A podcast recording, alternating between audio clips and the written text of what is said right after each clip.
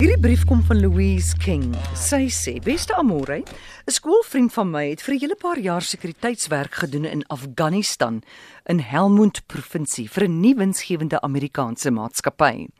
Nou van tyd tot tyd het Amerikaners besoek afgelê om die vordering op landbougebied te monitor. My vriend was gestasioneer op 'n ver afgeleë dorpie sonder winkels, slegs 'n bazaar wat net die mees basiese goedere aangehou het." Op 'n sekere dag moes my vriend en 'n kollega weer die besoekende Amerikaners op die vliegtyg besorg. Die lughawe het bestaan uit 'n grondaanloopbaan, sommer so 'n stofstraatjie en 'n klein onbemande gebouetjie op die vlakte. Die vliegtyg, 'n Russiese Antonov, het geland en dan die groot luik agter het oopgemaak. Hy het gesak en die Amerikaners het opgebling opgeklim en die luik met die oprit het weer toegemaak.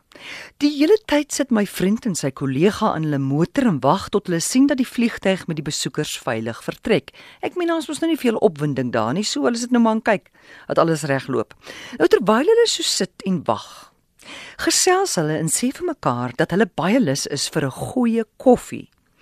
En wat hulle eintlik kort is 'n ordentlike koffiemasjien, want die Afghane drink slegs tee. Nou begin die vliegtyg intussen te taksi so na die einde van die aanloopbaan. Woeps, skielik stop die vliegtyg. My vriend dink toe daar is fout met die vliegtyg en nou sal hulle weer die besoekers dorp toe moet neem. Die groot luik agter sak weer.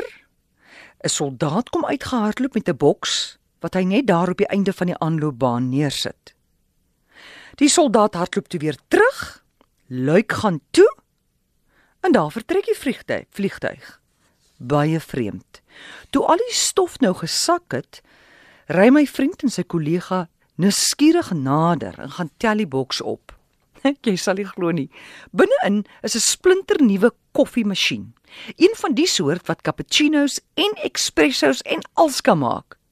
Nou hoe verklaar mens dit? Vandag toe weet hulle self nie.